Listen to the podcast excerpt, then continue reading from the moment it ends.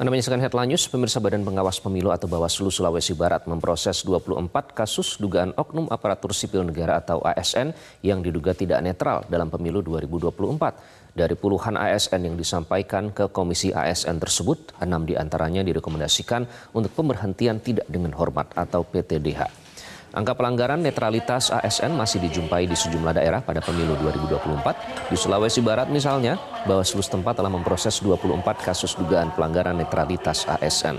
Anggota Bawaslu Sulbar Muhammad Subhan mengatakan Komisi ASN telah mengeluarkan rekomendasi sanksi bagi 19 oknum tersebut. Mulai dari rekomendasi sanksi ringan, berat, hingga rekomendasi PTDH bagi enam oknum ASN tersebut. Sementara lima ASN lain masih dalam tahap penilaian dari Komisi ASN. Subhan menambahkan oknum yang disanksi PTDH tersebut merupakan ASN yang menjadi pengurus partai politik dan menjadi calon legislatif pada saat masih berstatus ASN.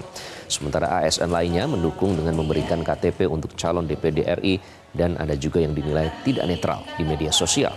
Dari 24 kasus dugaan pelanggaran tersebut, 15 di antaranya merupakan oknum ASN yang berada di Kabupaten Majene. Tingginya angka pelanggaran netralitas ASN ini membuat Bawaslu Sulbar melakukan berbagai upaya pencegahan.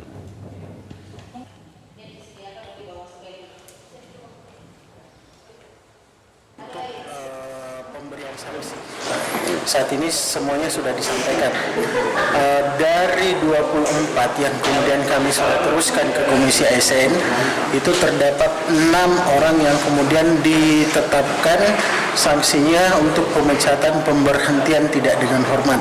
Kemudian lainnya ada berupa sanksi moral, kemudian ada peringatan keras, ada sanksi keras juga.